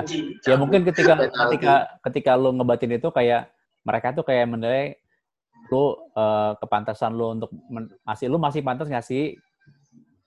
Iya, iya. Kalau iya, masih pengen iya. banget, oh lu nggak pantas. Ketika emang lu ikhlasin lu lu diambil, oh berarti emang lu emang emang lu lu ikhlas nih apa namanya eh, menggunakan itu hal yang yang benar. Ya udah gue balikin deh kayak gitu. Ih bener bener bener sih gue setuju sama lu. Riz. Iya itu benar itu kayak kayak kayak yang ngetes kepantasan lu. Itu kayak ini kayak gue jadi inget kayak adegan yang di film itu Spider-Man Homecoming tuh yang posisinya Mhm. si Peter Parker diambil sama di- diambil sama diambil sama Iron Man kan kayak kayak kalau emang lo pantas tuh buktiin Mhm. dong gitu loh Ja- jangan malah lo ma- malah menyala apa seakan-kan malah jadi lo tindak bertindak semena-mena gitu loh Hmm, iya tapi, iya iya. tapi iya, yang lo iya. bilang tadi yang emang dari asal itu bisa berpengaruh ke fisik gue setuju dan gue pernah ngalamin yuk itu itu lebih Oh ya? nggak ngeri tapi kayak tapi kayak kayak zong aja sih jadi kayak waktu itu ada teman gue teman lama gue jadi dia kan dulu eh, sering kayak nerima tamu-tamu dari Arab kan jadi kayak eh, orang Ah. Arab ketika misalkan ke ke ke Jakarta mereka tour nah teman gue nih yang eh, nemen apa jadi guide sekaligus jadi jadi driver kan Hmm, hmm. Nah, itu tuh kadang-kadang tuh jadi yang bikin sebel tuh kalau kalau yang datang tuh istilahnya eh, orang eh, pemu- ibaratnya pemuda Arab nih single pasti udah apa eh, kelakuannya udah yang aneh deh. Entah min mabok lah entah sampai sorry ya entah sampai main cewek gitu loh nah ini datanglah eh, tamu dari Arab. Keluarga punya istri punya anak dan di orang Arab ini istilahnya eh, bisa gue bisa gue bilang punya posisi bagus banget lah dia kayak atas di kedutaan gitu lah. Tapi kata kedutaan Arab di luar lah. Gue pikir Ya, ya, kata ya. teman gue ah aman lah nih nggak akan aneh. Ternyata sama aja dong malam-malam minta temenin lah ini minum apa ma- mabuk lah ke Kemang terus sampai ke puncak segala nyari nyari ya begitulah gitu kan. Nah waktu itu akhirnya karena teman gue nih tahu gue gue ya bisa dibilang bisa kayak Riz lu bikin capek lah nih gila capek gue nih masih nemenin dia gila pagi pagi waktu sama keluarga malam kayak waktu sama dia sendiri gitu tapi yang ya yang yang ya kayak mabuk lah ya pokoknya yang yang yang kayak nggak nggak pantas aja lah gitu kan. Ya lu bikin capek apa gimana gitu Riz? Pokoknya capek deh. Oh ya udah kan ya udah gue tahu caranya kan gue tahu caranya. Tapi itu kayak itu tuh ini kayak belum pernah belum pernah gue lakuin sebelumnya. Ya udahlah gue lakuin tek. Besok ya teman gue bilang bro yang bener aja lo bilang kenapa ya nggak gini juga apaan? Iya gue minta bikin capek. Ini sekarang orangnya masuk rumah sakit nih di opname nih gara-gara dehidrasi. Aja tuh jadi gara-garanya gara-garanya dia kayak eh, kayak salah mak salah makan gitu. Terus kayak berapa kali kayak eh, buang air akhirnya dehidrasi akhirnya sampai di opname dan apa di opname dan dan akhirnya eh, masuk rumah sakit kata kata teman gue eh, ke dokter. Susah sus, sus, pokoknya gimana caranya nih orang jangan jangan harus harus di UG apa harus di ICU aja nggak boleh nginep. Karena kalau nginep kalau misalkan sampai nginep dia teman gue harus lapor ke kedutaan kedutaannya. Hmm. padahal tuh gue anjir, iya iya. gila bilang kok bisa serem itu? Bilang untung orangnya nggak mati loh bro. Ya gimana? Gue cuman gue cuma melaku- melakukan apa yang di visual gue doang kok. Wah itu itu gue nggak ngerti tapi kayak lucu aja sih. Kayak oh, bisa kayak gitu ternyata Iya iya iya iya benar time and space benar Iya. bisa loh itu berpengaruh ke fisik. Hmm. Karena basicnya kan eh, mind body and soul kan satu. Iya. Ketika dia mengirim ke mind, Hmm. ke mindnya dia, eh, bodinya juga ngaruh. Iya, bisa iya. Hmm. gitu. Itu prinsipnya. Hipotesisnya kan seperti itu. Iya. Dan lu kalau nyerang energinya, itu bisa nyerang ke fisiknya juga. Ya, so, Gitu. sepa- so- satu bagian lah ya. Ya satu bagian. Nah, yang jadi pertanyaan gue yo di saat mungkin nggak tahu lo pernah ngalamin atau nggak di saat gue pengen menggunakan intuisi gue, malah malah logik gue yang bermain. Nah itu menurut lo kenapa ya biasanya kayak gitu yo? Karena is, kepala itu kan satu kesatuan, Riz. Iya. Intuisi itu kan memang sifatnya abstrak.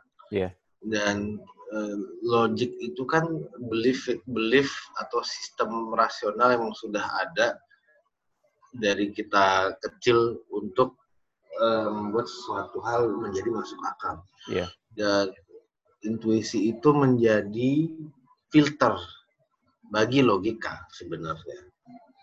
Oh nggak kebalik ya? Apa tuh? Gimana maksud itu, Mbak? Bukan bukan bukan bukan logika yang memfilter intuisi gitu ya. Gue malah taunya dulu ketika intuisi filternya dengan logika gitu. Apa kebalik? Oh iya iya iya benar benar. Ah, iya. Gue dulu tahu Dua-duanya dua-duanya tapi dulu bisa berfungsi seperti itu. Jadi Ah. lebih tepatnya sih lo memang lebih tepatnya lo jadi intuisi harus difilter dengan logis Iya. dengan logis supaya sesuatu hal menjadi bisa diterima bisa masuk akal secara Hmm. common sense Hmm. gitu.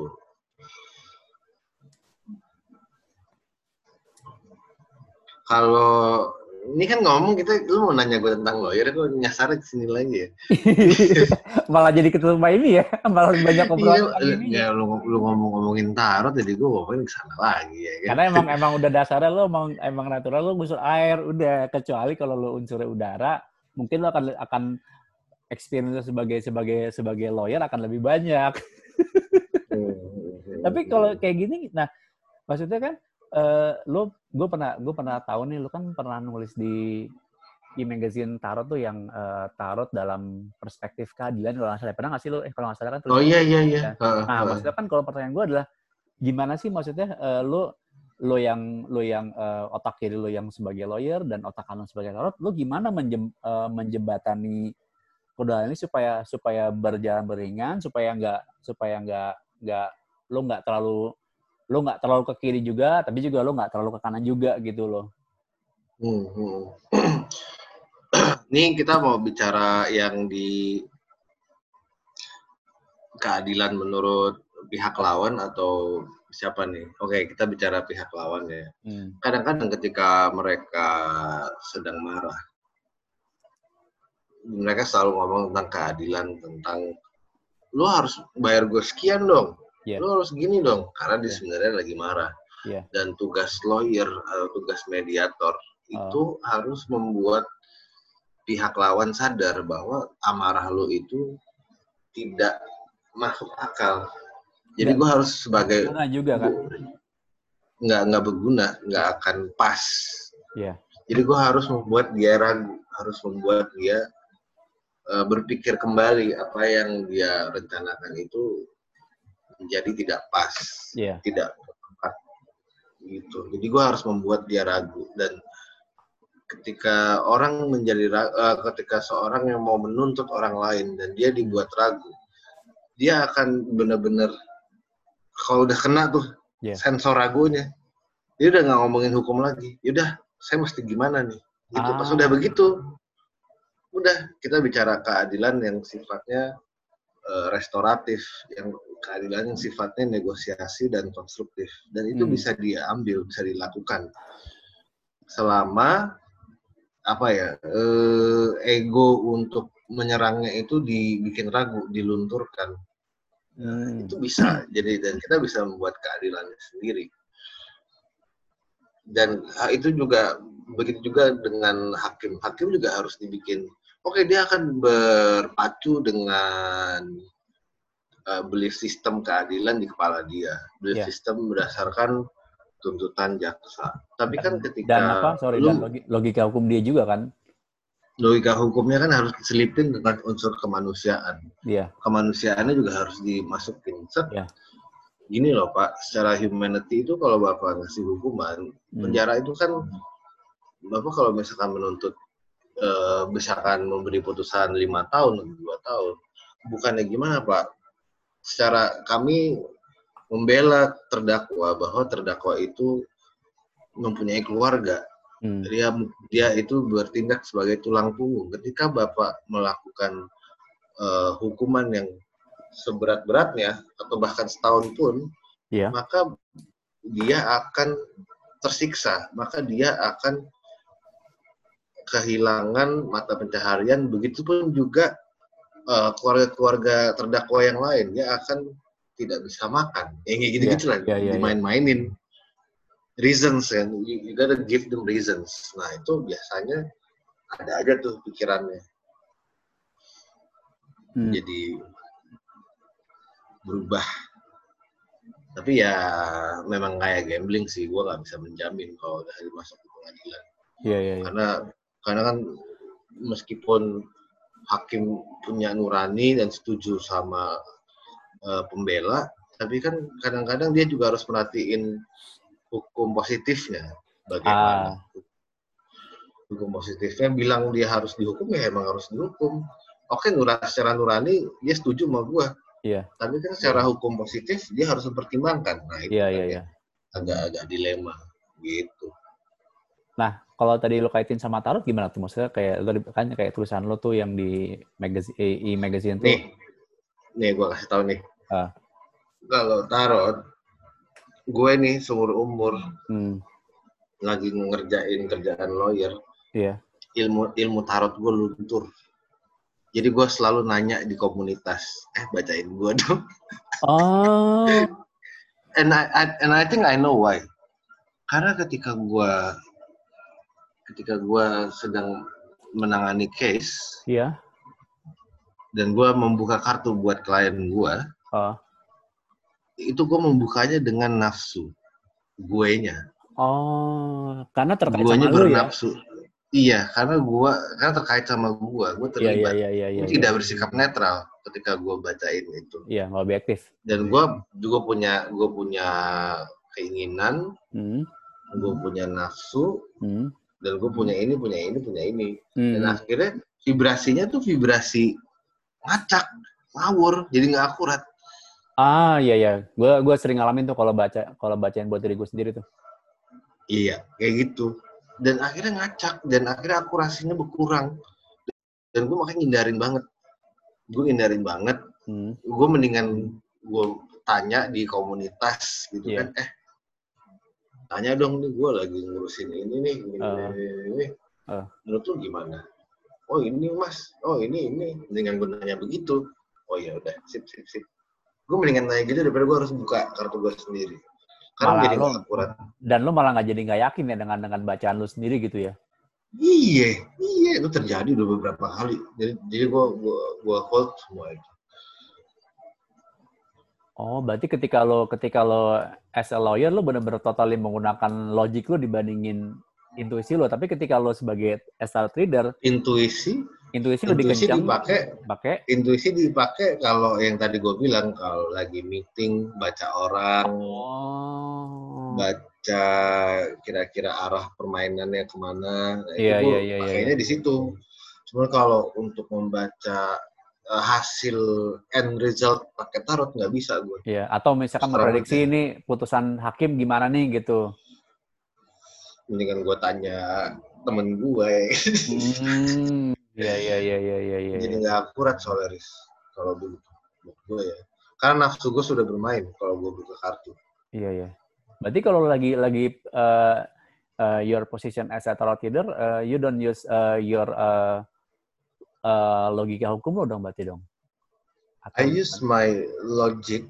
Uh, nggak pakai pakai eh, gimana as a as a as a tarot reader iya, gimana? Lo tetap pakai maksudnya apa kalau mungkin ada sebagian persen kayak tetap pakai uh, sisi logika hukum lo gitu loh ketika lo sebagai tarot reader.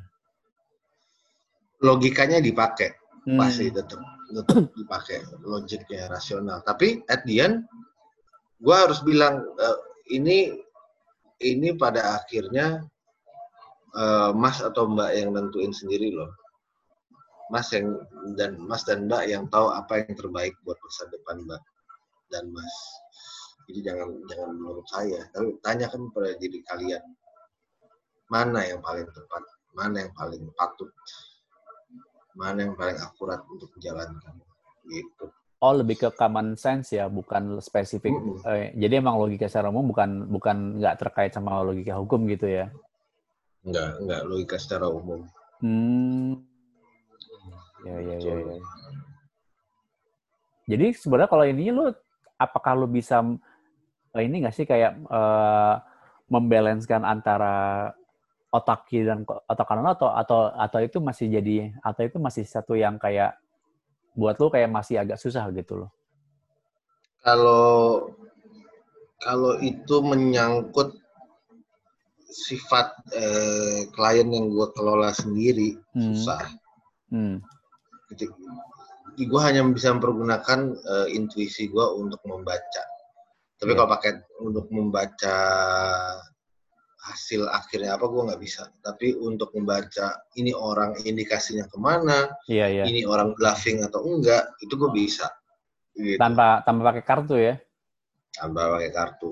Oh. Kadang-kadang misalnya yeah, ada yeah. ada somasi nih, uh. ada somasi masuk nih ke klien gue. Iya. Gue tuh bisa tahu tuh ini somasi cuman bluffing atau ini somasi cuman uh, emang serius yeah. untuk ke arah selanjutnya. Iya, yeah, iya, yeah, iya. Yeah. Kurang lebih gue bisa tahu. Karena pas gue baca itu surat somasi, hmm. ada getaran ya, Riz, di gue. Ah, iya, iya. Gue mau bilang. gitu. Iya, iya. Gue mau, gitu, kan? baru mau bilang kayak lo berarti lebih ke sense uh, the, the vibration ya. Vibration mm -hmm. or, or energy uh, uh, maybe from yeah, uh, yeah. other people or from uh, maybe a letter atau mungkin atau dari iya yeah, iya yeah, iya yeah. atau mungkin ketika yeah. lo masuk ke ruang sidang kayak kok getarannya gini ya enak banget ya kayak lu udah punya udah punya, yeah, yeah, punya yeah. udah punya udah punya radar udah punya radar gitu loh iya iya iya itu hmm. lebih ke situ fungsi yeah. fungsinya tetap ada yeah. tapi untuk bukan untuk fortune telling lagi tapi untuk uh, fungsi ngedetect aja. Ah, gitu buat ya buat buat mendeteksi scanning aja lah ya. Scanning ya. Iya iya iya iya. Ya. Nah, uh, ini pertanyaan terakhir yuk. Ntar kalau nggak kalau nggak gue nggak pakai pertanyaan terakhir nih kita bisa panjang obrolan nih. kalau seperti biasa. Seperti biasa. Kalau menurut lu gimana sih cara cara mempertajam intuisi dan uh, mengasah logika? Ini kan lo dua ini kan lo da, da, dengan lo punya dua uh, rutinitas yang beda nih kan kepake banget nih. Hmm. Nah, gimana caranya lo menajamkan eh uh, mengasah kalau intuisi menajamkan logika? Kalau paling gampang ya mengasah intuisi itu dengan semedi, dengan meditasi. Uh. Setidaknya setengah jam, sejam, seminggu dua kali. Hmm rutin seminggu dua kali yeah. syukur-syukur setiap hari seminggu tiap hari yeah, yeah. itu bisa jadi tajam banget dan kalau logika rasional ya gue sih biasanya dengan baca buku knowledge gitu buku-buku hukum hmm. buku-buku sosiologi itu jadi tajam sendiri gitu buku-buku skripsi kan juga pada ngomongin tuh premis A ah. premis minor premis mayor iya, iya, hipotesa yeah, yeah, gitu yeah, kan yeah, yeah, yeah, yeah. bulan dari situ kan logika kan kebentuk sendiri dan ada lucunya menariknya nih eh, ada beberapa penulis buku hukum dia hmm. itu Libra contoh ya ini gue udah ini Libra kan terkenalnya logik banget sangat pas gue baca bener loh anjir ini orang parah banget nih logiknya kan beyond gitu loh iya iya, iya. sangat sangat itu terjadi ya. terjadi Terus oh. misalnya eh, ada penulis dia itu bawaannya, oh enggak dia penulis eh, kalau nggak salah namanya Thomas Aquinas deh. Thomas Aquinas, Aquinas tuh kalau nggak salah. Dia filsuf. Filsuf kan. Filsuf. Oh. Dia tunggu deh, bentar nggak gua cek dulu. Yang gue inget tuh lu, itu yang lu pernah kasih analogi uh, antara buku-bukunya Carl Jung sama Sigmund Freud tuh kayak beda gitu. Kayak misalkan gue yang karakter oh, iya, cocoknya, iya, iya, cocoknya iya. dengan buku iya. ini kalau lu yang karakternya mungkin udara dengan cocoknya yang ini karena dia emang emang memang emang unsurnya sama iya memang. Iya iya. Gue baru inget. Memang memang. Itu kelihatan sih parah banget e, bedanya karena lu bisa cek sendiri lah soalnya si si Jung ngomongin shadow melulu ya kan ngomongin semiotika archetype iya yeah. kalau si Sigmund Freud. ngomongin uh, psikoanalitik yang begitu tajam dan Iya, iya, iya. buset ya kan? Iya, iya, iya. Gila sih tuh. Sigmund Freud tuh gila sih.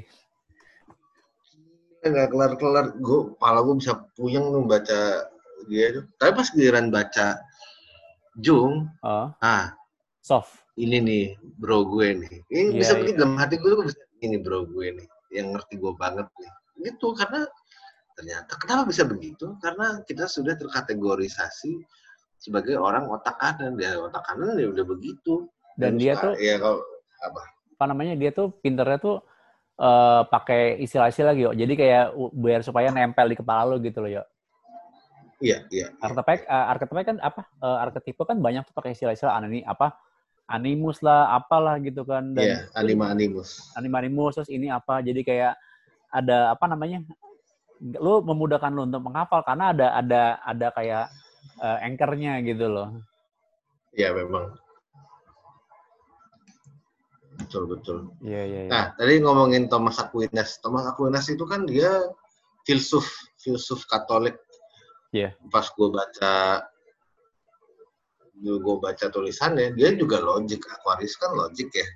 Oh iya, iya. Tapi logiknya logik, logik yang rebel. Jadi Thomas Aquinas itu kan dia ngomongin filsafat, tapi dia juga berani Keluar pakem. apa ya? Berani, berani keluar pakem karena dia Iya, basic freedomnya tinggi karena Ceng Jeng dia lahir 28 Januari. ya betul 28 Januari Ada sisi ada masih ada unsur Capricorn dikit ya. Capri Caprinya ada tapi Aquariusnya juga udah mulai kenceng Iya, iya. Iya, Jadi bisa udah begitu. udah rebel, udah gitu ada sisi keras kepalanya Afrik Capricorn juga. Selesai dah. Mm-mm. selesai udah ya kan Iya, iya, iya, iya, iya. Oke, yuk. Thank you ya. Udah mau ngobrol lagi sama gua. Lo jangan bosan-bosan gua undang lagi nih karena kalau tarot kita masih banyak bahasan yang menarik buat dibahas nih. iya iya iya iya iya iya sabi Sabi ya, sabi, sabi gaju ya. kabar aja ya. sabigaju.com Iya. Eh, kalian listen- listeners pada buka ya website sabigaju.com tuh project kantor gue Ah, gue belum diundang sama project itu gimana? Covid bos, mau ke mana ini? Bingung gue juga. Ini kayak gini aja, Zoom, video call Zoom aja. Gitu ya. iya bisa, eh, ini aja gue ngakalin kok buat podcast bisa. Hmm, Oke oke oke. oke. Gitu. Oke deh, Sip. thank you yang udah dengerin, thank you yo. Ketemu lagi Thank you ya. episode. Kalau mau ada pertanyaan-pertanyaan, boleh Ya, silahkan nanti tanya gua ke bakal-. Gue bakal mention lu juga kok. Kalau pas gue posting di, di Instastories, gue bakal mention. Dan ya, harus siap-siap aja kalau ada pertanyaan-pertanyaan ajaib. Ya, silahkan open kok. Iya, iya. Oke deh. Thank you dengerin. Sampai jumpa Thank di you. episode berikutnya. Bye. Bye.